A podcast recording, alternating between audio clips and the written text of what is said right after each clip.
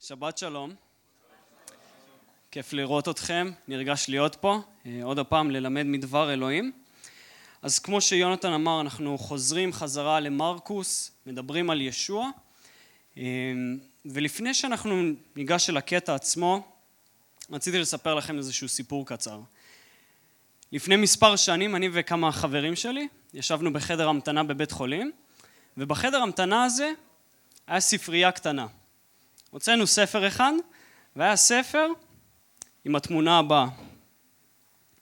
אתם בטח מכירים את זה, זה כל מיני תמונות של פסיפס, שעליהם אה, מצויר כל מיני מספרים, וזה בעצם עוזר לדעת אם יש לך עיוורון צבעים. אולי חלקכם מסתכלים ואומרים על איזה מספר אתה מדבר, כנראה שהספר מוכיח אותו. אבל אה, אז אנחנו מסתכלים על הספר, מסתכלים על התמונות, ויש לנו חבר אחד בשם דני. דני עיוור צבעים, והוא מתוסכל. הוא כזה, אני לא רואה את ה-12 ואני לא רואה את ה-74, והוא מדפדף, מדפדף, מנסה להוכיח לנו שהעיוורון צבעים שלו לא כזה נורא. אבל שום תמונה הוא לא מצליח, עד שהוא מגיע לדף האחרון של החוברת, והוא עושה, יואו, אני רואה את המספר, זה 64. אתם רואים את זה? אחרי שהסתלבטנו עליו כל כך הרבה, חשבנו שהוא מסתלבט עלינו בחזרה, אנחנו מסתכלים, לא רואים שום דבר. אנחנו עושים, מה, אתה משחק איתנו? לא, עושה 64, 64. ואחרי כמה שניות של בלבול, אנחנו פוצחים בצחוק ממש גדול, כי אנחנו קוראים למטה, מתחת לתמונה, את האותיות הקטנות. את התמונה הזאתי רק עברי צבעים יכולים לראות. אבל למה אני מספר לכם את העניין הזה? כי זה, אני חושב שזה עיקרון מאוד מעניין, ששני אנשים יכולים להסתכל על אותו דבר, יכולים לחוות את אותה חוויה, אבל יהיו שתי תגובות שונות. זה לא רק בעולם הצבעים, אנחנו רואים את זה גם בעולם המדעי. שני חוקרים יכולים להסתכל על הגרנד קניון בארצות הברית, ואחד יגיד, הנה, זו הוכחה לאבולוציה של מיליוני שנים. והשני מצד שני יגיד, לא, זו הוכחה שהיה פה מבול כמו שמסופר על נוח בתנ"ך. גם אנחנו רואים את זה במקומות אחרים. חלקכם מכירים את המאכל שנקרא ארגלית תות. יש כאלה שחושבים שזה המצאת השנה, ויש כאלה שחושבים שזה ביזיון של אוסם. נכון? אותו דבר, אבל שתי תגובות שונות. ואם אתם לא מאמינים לי, בעוד שעה אחרי הדרשה הזאת, תדברו עם המשפחות שלכם, עם החברים שלכם, ולכל אחד יהיו דעות שונות על מה היה פה באספה. חלק יאהבו את הדרשה, חלק ישנאו אותה, חלק אהבו את ההלל, ואפילו אלוהים יכול לדבר בצורות שונות לכל אחד. אז העיקרון הזה שאנחנו יכולים שתהיה לנו אותה חוויה, אבל אנחנו שני אנשים שונים, ויכול להיות שיהיה לנו שתי תגובות שונות. והעיקרון הזה גם נכון לעולם הרוחני. אנשים יכולים לחוות את פועל אלוהים, ואנחנו נראה בקטע שלנו, יכולים לחוות את הרחמים של אלוהים, אבל יהיו שתי תגובות שונות לגמרי, ואני חושב שהקטע שלנו ימחיש את זה בצורה מדהימה. אז בואו נעבור ביחד למרקוס, בשורת מרקוס, פרק ה' בתנ"כים שלכם. ובינתיים שאתם פונים לשם, אני רק אזכיר לכם מה קרה בפרקים הקודמים, שאנחנו נהיה בהקשר. אז בשורת מרקוס בעיקר מתמקדת בשירות של ישוע, בשלוש שנים שהוא עשה את כל הניסים והנפלאות והלימוד שלו, וכבר מההתחלה אנחנו רואים שישוע מפגין הרבה סמכות. הוא מגרש עדים בסמכות, ואנשים רואים שיש לו איזושהי סמכות. אנשים רואים שהוא מרפא חולים, ורואה שיש לו סמכות שמה. הם שומעים את הלימוד שלו. אם אתם זוכרים, לפני כמה שיעורים דיברנו על המשל של הזורע שישוע לימד, והמשל של הגרגיר חרדל, נכון? אז הם לומדים מישוע ורואים שיש לו סמכות גדולה. ועם כל הסמכות הזאתי באו גם האשמות כנגד ישוע. דבר ראשון, מהבית שלו, מהקרובים שלו. אם אתם זוכרים, הקרובים שלו עצמם אמרו שהוא יצא מדעתו, ככה מרקוס רושם.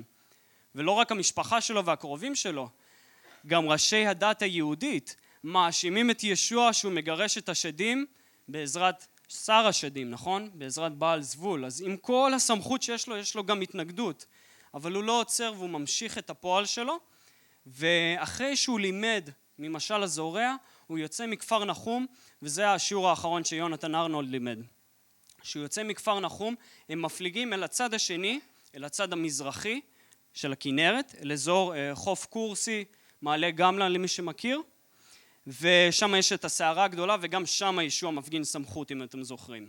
הוא גוער בים והים מקשיב גם לו, והוא מגיע למקרה הבא, שזה מה שאנחנו הולכים לקרוא. אז תזכרו את זה, ישוע אה, השקיט את הסערה והוא מגיע אל החוף. אז מה שאנחנו נעשה, אנחנו נקרא יחד מבשורת מרקוס פרק ה' מפסוק 1 עד 20 ותוך כדי שאני קורא, תחשבו על השאלה הזאתי. בבשורת מרקוס, מכל הבשורות, מה שמאוד מיוחד זה שישוע מגרש עדים בלי סוף שם, והוא עושה הרבה ניסים. אז השאלה שאני רוצה לשאול אתכם זה מה מיוחד בסיפור הזה?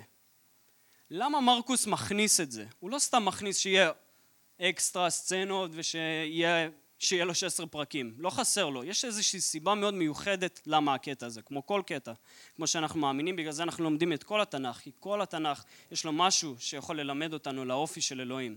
אז תחשבו על השאלה הזאת תוך כדי שאני קורא, בסדר? אז בואו נקרא מדבר אלוהים.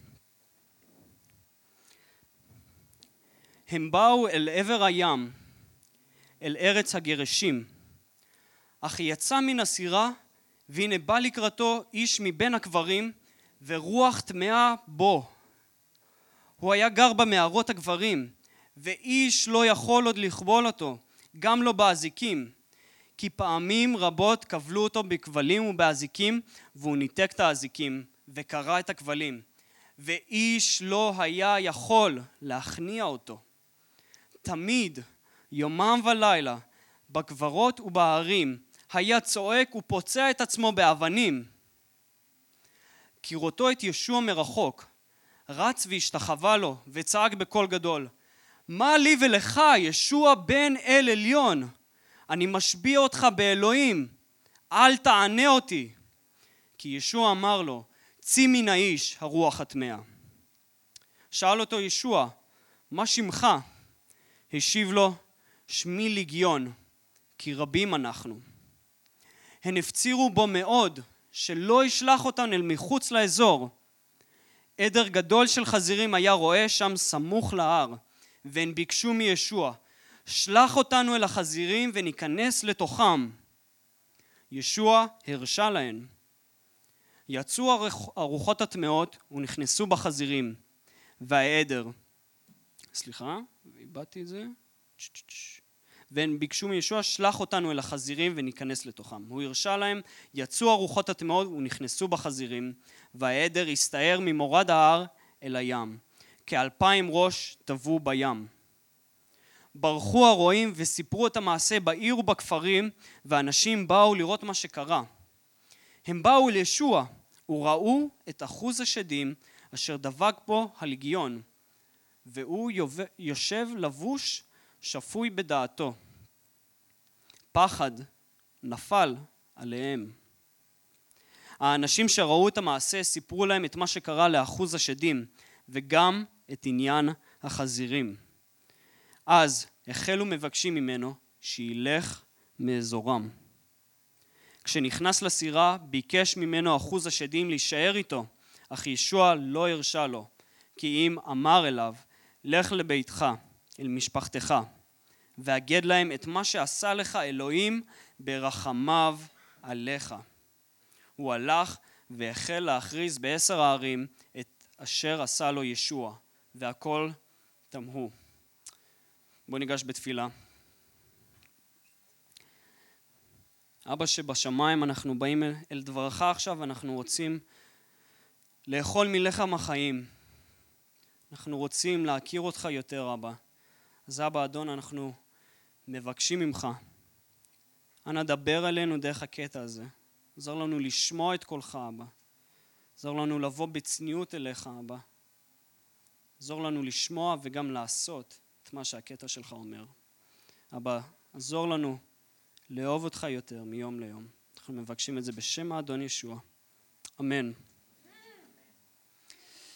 טוב. אז יש פה הרבה סצנות, הרבה דברים שקורים, ובואו ננסה קצת לסדר מה קורה שם. אז דבר ראשון, תזכרו עוד פעם, ישוע לימד את כל העם, נכון? את המשלים, ואחר כך הוא יוצא להפלגה, ומתי הוא עושה את זה? אנחנו רואים את זה בפרק ד' בפסוק 35, בערב. הסערה קורית בערב, ישוע גוער על הסערה, והם מגיעים לצד השני. לא רשום לנו את זה, אבל כנראה, אם הם הלכו בערב, כנראה שהם הגיעו באזור הלילה, אולי באזור דמדומים. מה שבטוח היה חשוך והם היו כבר עייפים מהיום הארוך שהיה לישוע. אז תחשבו על זה, ישוע והתלמידים מגיעים עייפים לחוף המזרחי, והם מגיעים לארץ הגירשים. שארץ הגירשים, רק במבט חטוף שנבין איפה זה, זה בעצם, אם אתם יכולים לראות, בצד הדרום-מזרחי לים הכנרת, יש את כל האזור הגירשים. אה, אם מישהו זוכר מבשורות אחרות, האזור הזה גם נקרא דיקפוליס. דיקפוליס זה בעצם, אה, בתרגום חופשי, עשר הערים. דקה זה עשר, פוליס זה עיר, אז אזור עשר הערים זה האזור ששם, אזור הגירשים, ובעצם ישוע מגיע לאזור שמה, לשם הוא מתכוון ללכת, והוא נפגש עם האדם כנראה ליד רצועת החוף, כי מה שאנחנו קוראים זה שבעצם אחוז השדים ראה את ישוע והוא מתחיל לרוץ אליו. בסדר? אז כנראה באזור שמה, ואזור הערים היחידי שאנחנו יודעים מהגיאוגרפיה שמה זה החלק המזרחי מעלה גמלה, אז כנראה בסיטואציה זה איפשהו שמה. אמ, אבל מה שחשוב כן לדעת זה שאזור דיקפוליס זה האזור של גויים. רוב האוכלוסייה שם היו גויים, היו שם גם יהודים שחיו, אבל הרוב היו גויים. וישוע עובר לשם מסיבה מאוד ספציפית שאנחנו נראה עוד מעט. אז כמו שאמרנו, איש אחוז השד רואה את ישוע, יורד מהספינה, ותדמיינו את זה, הוא רואה אותו מהר, מתחיל לרוץ אליו. והוא מגיע אל ישוע. ובואו ננסה קצת להבין מי זה האיש אחוז השד, כדי שאנחנו נבין גם מה ישוע עושה. רשום שרוח טמאה הייתה בו, ומה שמעניין, הוא גם חי במקום טמא, על פי היהדות. הוא גר באזור של הערים, באזור של הקברים, נכון? אז הבן אדם הזה חי שמה, והבן אדם הזה היה דחוי על ידי החברה, ואיך אנחנו יודעים את זה? זה בגלל שרשום שאיש לא יכול היה להכניע אותו. ניסו כבר כמה פעמים לכבול אותו באזיקים, להרגיע אותו, שהוא יהיה בשליטה, וכל פעם לא הצליחו, ותסתכלו בבשורה, מרקוס רושם, רושם את זה פעמיים, שאיש לא יכול היה למנוע ממנו, לא יכול להכניע אותו. הוא היה באמת בלגן של בן אדם. הוא היה בכבלים ואזיקים, אבל הרוח הייתה כל כך חזקה שזה לא מנע ממנו. והוא היה צועק ופוצע את עצמו באבנים, סוג של מנהג פגאני, נכון? של עבודת אלילים, אם אתם זוכרים, אפילו מסיפור אליהו ונביאי הבעל, הם עשו את אותו דבר, הכו בעצמם עד שירד להם דם כדי להלל את האלוהים שלהם, להשתחוות אליהם. אז אותו דבר גם הוא עושה, יש פה רוח שטני עליו. הבן אדם מאוד מסכן והוא רחוק מדיקפולוס, הוא נמצא בערים שמה.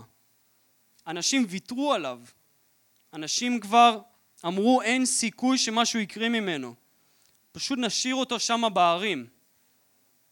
והוא סבל הרבה על ידי השדים האלה. אבל ישוע ברחמים שלו היה מוכן לעזוב את כפר נחום ולעבור לצד השני, ואנחנו נראה מהסיפור בהמשך שמה שהוא עושה בצד השני, במזרח, זה רק מרפא אותו וזהו, ואז הוא חוזר. עד כדי כך לישוע היה אכפת ממנו. כשכולם ויתרו עליו, ישוע לא ויתר עליו. למרות שהוא היה טמא, וישוע טהור, זה לא עצר מבעדו לבוא אליו. ואנחנו גם נראה עכשיו עוד יותר איך ישוע הפגין את הרחמים שלו כלפיו. אז ישוע, כשהוא פגש אותו, הוא התחיל לגרש את הרוח מהאיש הזה. והרוח ענתה לו, נכון? היא עונה לו, ישוע בן עליון, מה לי ולך? ולפני שנדבר על בעצם מה קרה שם במפגש, רק בואו ננסה להבין מהם אותו רוחות שאנחנו יכולים להבין לפחות מהקטע הזה. אז דבר ראשון אנחנו יודעים שהרוח קוראים ליגיון. וכמו שאנחנו יודעים בתנ"ך לשמות יש משמעות. הם הרבה פעמים מעידים על האופי של אותו אדם וגם פה הרוח יש לה סיבה מאוד ספציפית למה היא קוראת לעצמה ליגיון. היא אומרת בפירוש כי רבים אנחנו ומה זה בעצם ליגיון? ליגיון זה בעצם יחידה צבאית בצבא הרומי שמנתה בין בערך ל-4,000 ל-6,000 חיילים על פי אה, ההיסטוריה, מה שאנחנו יודעים אז לכן כשהיא אומרת שהם ליגיון, בעצם אומרת במילים אחרות אנחנו גדוד. משתמשת באיזשהו מטבע לשון כזה, אנחנו הרבה, אנחנו אלפים. וזה רק מדגיש עוד יותר עד כמה האיש הזה סבל. זה לא היה סתם רוח אחת, כאילו רוח אחת זה כלום. זה היו לא עשרות, לא מאות, זה היו אלפים, אלפים ששדים שהיו בו. תחשבו מה הוא סבל שם, אנחנו לא יודעים מהסיפור המקראי מה קרה יותר מדי, אנחנו מקבלים איזושהי הצצה קטנה, אבל אם תיתנו לדמיון שלכם לרוץ, אני בטוח שאתם תבינו עד כמה הבן אדם הזה סבל. עד כמה אני בטוח שהוא כבר ויתר על עצמו. אם אחרים ויתרו עליו, הוא כבר ויתר על עצמו, אבל ישוע לא. והליגיון הזה ידע טוב מאוד את מי הוא פוגש. אנחנו קוראים מאיגרת יעקב, שגם השדים מאמינים ואף רועדים מאלוהים, נכון? הוא יודע טוב מאוד את מי הוא פוגש. מה הוא אומר לו? מה לי ולך ישוע בן אל עליון? אני לא חושב שזה צירוף מקרים, אבל הדרשה הקודמת שדיברנו עליה, שאני העברתי מבראשית י"ד, אם אתם זוכרים, זה היה עם הסיפור של מלכי צדק, איפה שהמושג אל עליון מופיע בפעם הראשונה. והנה אנחנו רואים עכשיו עוד הפעם מישהו משתמש בזה, והפעם השדים. והם ידעו טוב מאוד, כי מה זה בן אל עליון? דיברנו על זה, אל עליון, זאת אומרת הוא הכי עליון, הוא, יש לו עליונות על כל האלוהים האחרים, הוא האל הכי גדול. הם ידעו טוב מאוד, יותר טוב מהתלמידים אפילו, מי הוא ישוע. ולא רק זה, מה הם עשו לפני זה? הוא רץ אליו והוא השתחווה אליו. לא, השת... לא השתחוויה מתוך הלל, יותר מתוך כבוד או יראה או הבנה מי עומד מולם, נכון? אז הם השתחוו, הם ידעו מי הוא ישוע, הם קראו לו בן אל עליון והם ביקשו מישוע, בבקשה אל תענה אותנו. במקום זה הם אומרים, בבקשה תן לנו להישאר באזור הזה ותרשה לנו ללכת אל תוך החזירים. עכשיו, הקטע הזה לי תמיד היה קשה, ואני בטוח שלהרבה אה, מאיתנו, בתור קוראים מודרניים שמאוד אוהבים חיות, איך ישוע בעצם הרשה, רשום פה אלפיים חזירים, זה לא עניין של עדר קטן, זה אם תדמיינו מי שראה מלך האריות זה עדר שרץ ממורד ההר למטה וטובע בים, איך ישוע מרשה לדבר כזה רע לקרות? ואני חושב שצריך להגיד כמה דברים בנוגע לעניין הזה. דבר ראשון, השאלה הזאת היא עוד הפעם שאלה מאוד גדולה, שנמצאת תחת קטגוריה של בעיית הרוע. איך יש אלוהים טוב שמרשה לדברים רעים לקרות? אז אה, אני חושב באיזשהו מובן נופל תחת הקטגוריה הזאתי. ויש כמה הסברים שאפשר להסביר על זה אבל עדיין זו בעיה שמאוד מורכבת ויש פה עניין גם של אמונה שאנחנו מאמינים נכון? אנחנו מאמינים שהוא אלוהים שהוא טוב שהוא ריבון וגם כשזה לא נראה לנו אנחנו לא רואים את התמונה הגדולה. הוא יודע מה הכי לטובה. אבל אחת הסיבות משהו שהרבה פרשנים אומרים למה ישוע הרשה לרוחות להיכנס אל החזירים זה סיבה ראשונה זה התגלמות פיזית שישוע בעצם גירש את השדים. לכל העדים, אנחנו נדבר עליהם קצת אחר כך, אבל הרואי חזירים שראו מה קורה, אתם יודעים, זה מציאות בממד הרוחני, מה שקורה שם. הם שומעים את השד, אבל הם לא רואים אותו כמו שישוע רואה. אז בשבילם זו הוכחה פיזית שישוע באמת גירש את כל הלגיון, את כל האלפים האלה, בגלל זה זה גם אלפיים חזירים. אבל מעבר לזה אני חושב שמרקוס שם את זה כי הוא מדגיש עד כמה רחמן ישוע. כל כך אכפת לו מאדם אחד, מאדם אחד שצריך את הישועה, שהוא מוכן שאלפיים חזירים יתאבו עד כמה שזה נורא. אבל זה מדגיש עד כמה, דבר ראשון, הרשע של השדים, בואו נדבר עליהם שנייה. מה שהם עשו לחזירים, הם רצו לעשות אותו דבר לאותו אדם. אבל הם לא עשו את זה כי ישוע נכנס לתמונה. ומהצד השני זה מראה עד כמה ישוע היה מלא רחמים. אז בעצם כל הפסוקים האלה שאנחנו רואים את המפגש של ישוע עם השדים, אנחנו רואים דבר מאוד גדול שאנחנו, גם ישוע מדבר עליו בפסוק 19, אבל זה הרחמים של ישוע. הפועל של הרחמים של ישוע בחיים של אותו בן אדם. אבל הסיפור לא נגמר כאן, כי אני לא חושב שמרקוס הכניס את הקטע הזה כדי להסביר לנו שישוע יש לו סמכות על הרוחות, את זה כבר ראינו בסיפורים קודמים. הפעם אני חושב שמרקוס דווקא מתמקד על שתי תגובות מאוד ספציפיות של דמויות בסיפור שלנו. ואני חושב שזה מה שאנחנו נצטרך ללמוד. אז בואו נסתכל יחד לשתי תגובות של שני דמויות פה. אז בפסוק 14 אנחנו רואים שהרועים ברחו. תחשבו, את, אתם הייתם בסיטואציה הזאת, תחשבו, אתם עם עדר, מטיילים לכם, הכל טוב ויפה, פום, אלפיים חזירים, בורחים משם, אתם שומעים משהו על שדים, בורחים וטובעים בים. הזוי, מאוד הזוי. הדבר הראשון שאתה עושה זה בורח ואתה הולך לספר לכל העיר שלך מה קרה שם. והעיר והכפרים, תחשבו, אותם, הם שומעים פתאום את הידיעה הזאת והם אומרים, מה? אלפיים חזירים פתאום טבעו? בגלל שמישהו גירש אותם משדים? מאחוז השדים? זה שתמיד חי בערים שם, המשוגע הוא? אין סיכוי, אנחנו חייבים לראות את זה, וזה מה שקורה. זה מה שקורה. הם הולכים והם באים אל ישוע והם רואים מחזה שהם בחיים לא דמיינו שיקרה. הם רואים את ישוע יושב ולצידו את אחוז השדים, לבוש ושפוי בדעתו. היה רשום שהוא צועק ומכה את עצמו, אבל הפעם הם ראו בן אדם אחר, סיטואציה שהם לא יכלו אפילו לדמיין, דיברנו על זה, שהם ויתרו עליו כבר. עדי, עדי הראייה גם סיפרו להם על מה שקרה ועל החזירים, מסבירים את הסיטואציה, ככה זה, ככה זה קרה, מבטיחים. אבל הם מבקשים מישוע לעזוב וללכת מהאזור שלהם. ולמה? למה הם מבקשים את זה? תסתכלו איתי ביחד, בפסוק 15. שלוש מילים שאני חושבת שממש המרכז של הקטע. פחד נפל עליהם. פעולת הרחמים של ישוע הניבה בהם פחד. והשאלה היא למה? למה הם פחדו? אז יש לזה כמה סיבות. אני חושב שסיבה ראשונה שמרקוס מאוד מדגיש פה בטקסט, זה דבר ראשון, הפסד כלכלי. הם מפסידים פה משהו.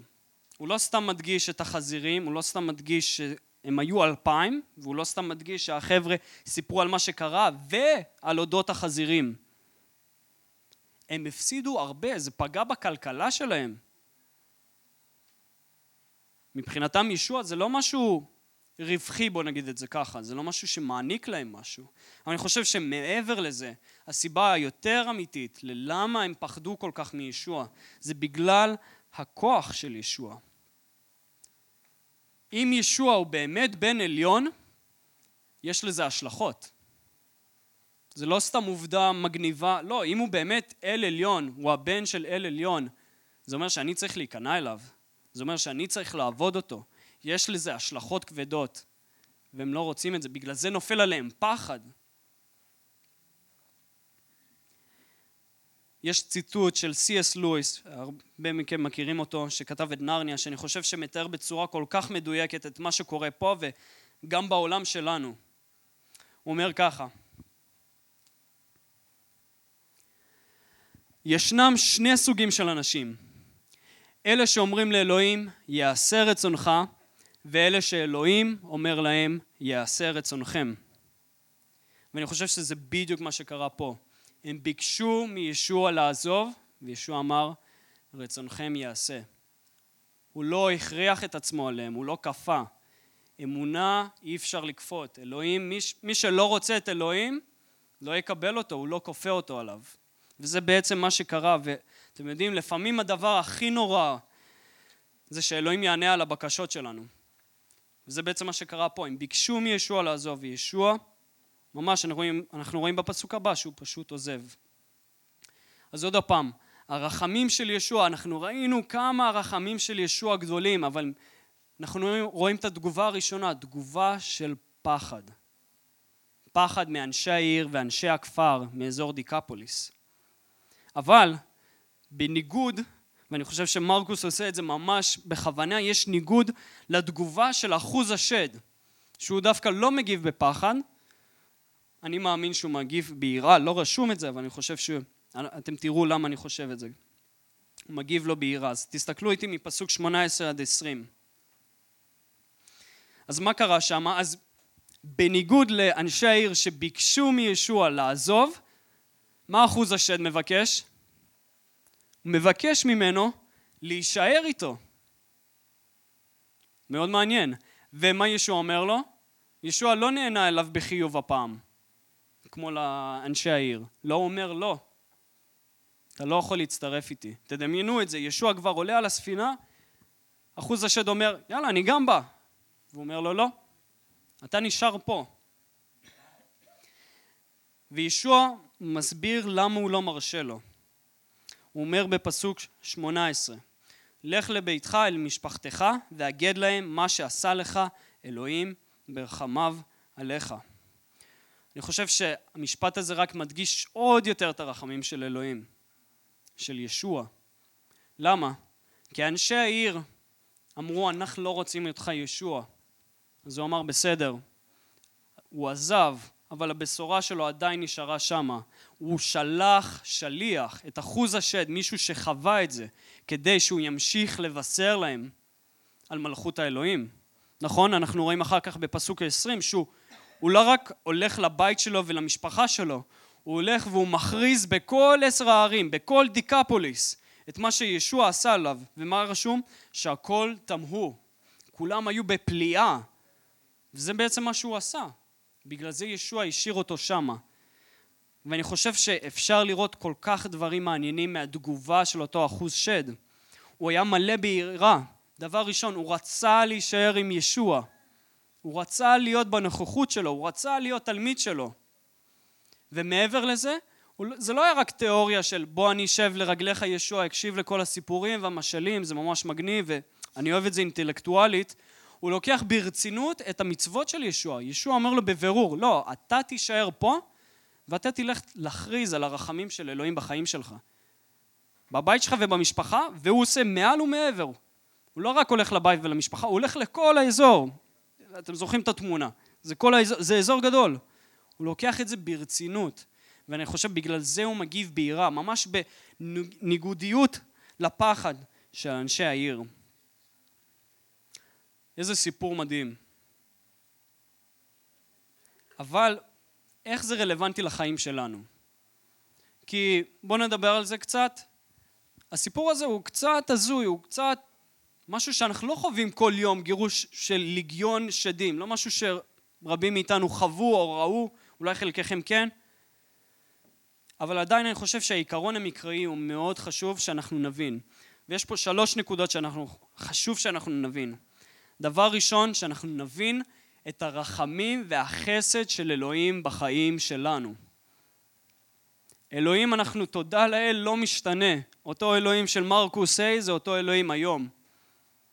הרחמים שלו אולי מוצגים בדרך שונה, אבל הוא עדיין פועל ברחמים, הוא עדיין מוכן לעבור את הסערה למעננו, להפליג לצד השני כשהוא עייף. הוא עדיין לא ויתר עלינו כשכולם ויתרו וכשאני אולי, אני עצמי ויתרתי על עצמי. נכון? הוא פוגש אותנו איפה שאנחנו. הוא לא מפחד מזה שאנחנו טמאים, הוא לא מפחד מזה שאנחנו מתים בפשענו, הוא לא מפחד שאנחנו כבולים בחטא, נכון? הוא עדיין מגיע כדי להביא את הרחמים שלו על החיים שלנו. ואולי, אה, וכמובן שכחתי את זה, אבל הוא עדיין חזק. הוא עדיין יותר חזק מכל דבר שיהיה. כל היגיון שיהיה לנו בחיים. הוא עדיין בהרבה יותר חזק. ואולי תוך כדי שציירתי לכם את הציור של בעצם מרקוס ה', חשבתי מאולטימטיבית על הצלב, המקום שהחסד והרחמים הופגנו כלפינו. נכון? ישוע היה מוכן לעשות את זה עבורנו. ולכן הרחמים של אלוהים חשוב שאנחנו נזכור אותם יום יום. ולא רק על הצלב, אני בטוח שאם אני אעביר את המיקרופון פה בין הקהילה, אנחנו גם נשמע על חסד ורחמים שאלוהים הפגין באופן אישי לכל אחד מאיתנו. אנשים שרופו ממחלות, אנשים שאלוהים סיפק להם מבחינה כלכלית, נפשית, רגשית, שהוא סידר להם הכל. נכון? אני בטוח ש... וחשוב שאנחנו נזכור את זה, כי אנחנו נראה איך החסד והרחמים האלה השפיעו על החיים של אחוז השד. זה דבר ראשון, הרחמים של אלוהים, הרחמים של ישוע. והדבר השני זה שנשים לב לציפייה שלנו לתגובות של אנשים לא מאמינים בחיים שלנו. אם אנחנו חוזרים לדוגמה הראשונה שדיברתי עליה, על העברי צבעים, ושאנשים יכולים לחוות את אותו דבר, אבל שתי תגובות שונות, ככה זה גם בעולם הרוחני. אנשים יכולים לחוות והם חווים את פועל אלוהים, את החסד שלו ואת הרחמים שלו, ועדיין הם מגיבים בפחד ולא ביראה. ואנחנו לא צריכים להיות מופתעים מזה. הסיפור הזה הוא הוכחה מצוינת שלא כל מי שיחווה את פועל אלוהים יאמין. אני בטוח שאתם חושבים על דמו, דמויות, אנשים, על סיפורים, שאתם פשוט, איך אתה לא מאמין? איך אתה לא רואה את אלוהים? אני פעם חשבתי, כשהייתי מאמין צעיר, למה אלוהים רוצה שאני אבשר? כאילו, מכולם אני, מה... אלוהים פשוט יכול לרשום על השמיים ישוע המשיח, הוא יכול לעשות ניסים ונפלאות ואנשים יאמינו. אבל עוד פעם, אנחנו רואים שוב ושוב במקרא שזה לא הסיפור. זה לא הסיפור. גם פה אנחנו רואים שאנשים מגיבים בפחד. אם אתם זוכרים, עם המשל של ישוע אה, מספר את המשל על אה, אלעזר והאיש העשיר. מה אומר לו בסוף? הוא אומר לו, גם אם מישהו יקום מן המתים, הם לא יאמינו. יש להם את משה והנביאים, אם הם לא מאמינים להם. אותו דבר פה, אותו דבר, זה אותו עיקרון. אלוהים עדיין פועל בחיים שלנו. אנחנו חיים במדינת ישראל. תחשבו על זה, זה פועל אלוהים. מדינת ישראל זה הוכחה מאוד גדולה שאלוהים פועל. מה הסיכוי? אנשים חיים בפועל אלוהים והם לא רואים את זה. ולמה הם לא רואים את זה? כי רוב האנשים מבקשים מישוע ללכת.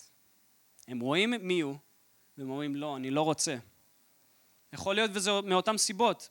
סיבה אנוכית, יכול להיות מניע כלכלי. ללכת אחרי ישוע זה הפסד. אולי לא רק הפסד כלכלי, אולי אני אפסיד את המשפחה שלי, את המוניטין שלי, אני לא, אני לא אהיה, אחשב אינטלקטואל, יש הרבה סיבות. יש מחיר להיות תלמיד של ישוע.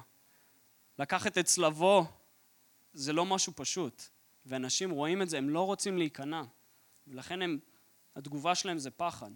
ולכן אני חושב שהקטע הזה מזכיר לנו עוד פעם לעשות תיאום ציפיות, הציפיות שלנו והציפיות של המקרא. ובמקום לבקש אולי מאלוהים ניסים ונפלאות שהוא יכול לעשות את זה, ואפשר להתפלל עבור זה, אבל אולי נתפלל שאלוהים יפקח את העיניים שלהם, נכון? שהם ייכנעו לפניו, שהם יבינו שישוע הוא רחמן, הוא רק רוצה את הכי טוב עבורם.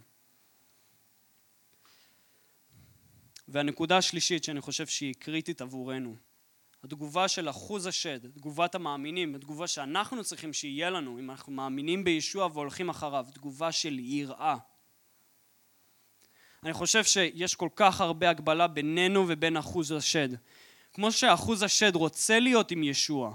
הוא אומר, ישוע, אני יכול ללכת איתך? וישוע אומר, לא, תישאר פה. גם אנחנו ככה לפעמים מרגישים. אם אתם זוכרים מאיגרת אל הפיליפים, שאול אומר שהוא לחוץ בין השניים, בין המוות ובין החיים.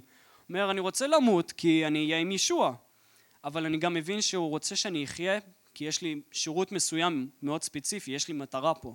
אני חושב שאנחנו באותה סיטואציה היום. אנחנו פה עלי אדמות לא סתם, לא סתם להעביר את הזמן, לא, יש מטרה מאוד ספציפית. וכמו אחוז השד, אני חושב שגם אנחנו פה כדי להעיד, להיות עדות לחסד והרחמים של אלוהים בחיים שלנו ובחיים בכללי. האדון השאיר אותנו עלי אדמות כי יש לנו תפקיד.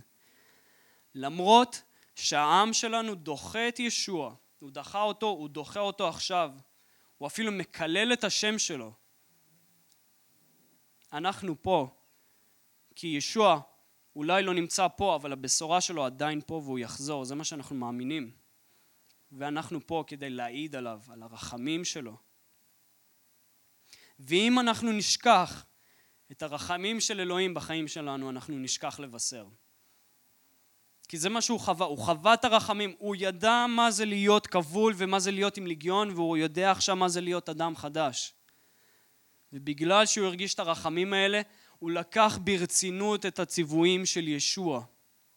הוא לא לקח את זה כטיפים או הצעה או איזושהי אנקדוטה מעניינת של ישוע, הוא לקח את זה באופן רציני, וככה גם אנחנו.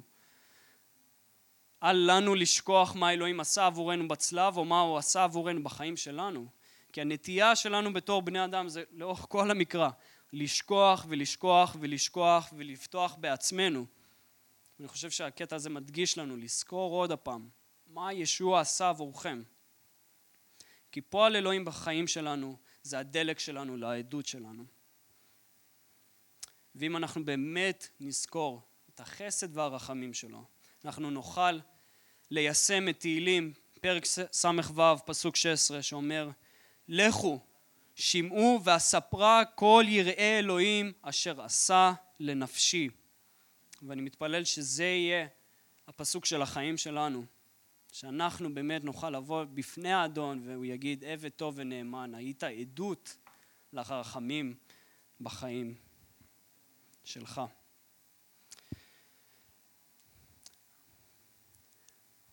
אז כדי בעצם ליישם את מה שקראנו עכשיו, שאנחנו נגיב ביראה ולא בפחד לחסד והרחמים של אלוהים, רשמתי כמה שאלות שיכולים לרשום אותם או לזכור אותם, שיעזרו לנו בעצם ליישם את זה בחיים שלנו.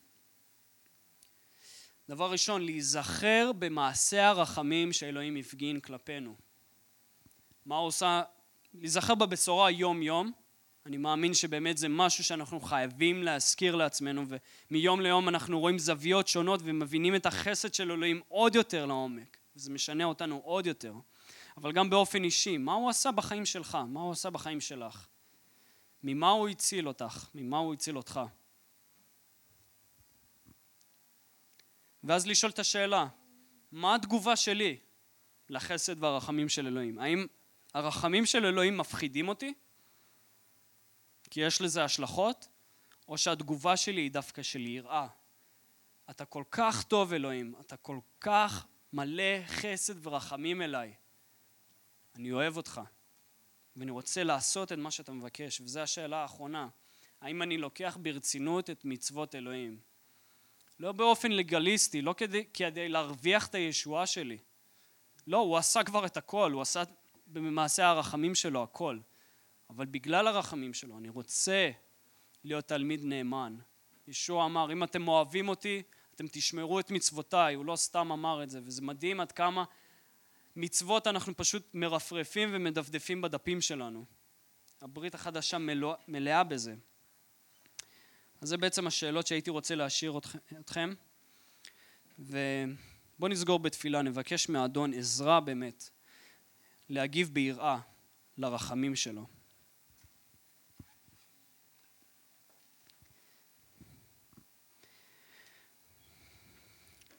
אלוהים אל עליון.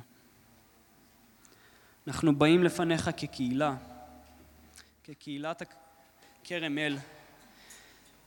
ואבא אדון, אנחנו קוראים את מרקוס ה' ואנחנו פשוט מודהמים מהחסד והרחמים שלך, שאתה הפגנת. ושאנחנו נזכרים גם בחסד והרחמים שאתה הפגנת בחיים שלנו, אבא, ואנחנו פשוט מודים לך. זה לא מגיע לנו, אבא. אנחנו היינו מתים בפשעים שלנו, היינו כבולים לחטא. אבל אתה בחסד שלך הושעת אותנו, אבא. ואבא אדון, אני מתפלל, עזור לנו להגיב ביראה אליך, עזור לנו לראות אותך, כמו שאותו אחוז שד ראה אותך, אבא. עזור לנו לקחת אותך ברצינות, את מה שאתה מבקש מאיתנו, אבא. שנה אותנו, אבא. אנחנו מאמינים עזור לנו בחסרון אמונתנו, אבא. אנחנו מתפללים את זה בשם בנך היקר, שם ישוע המשיח. אמן.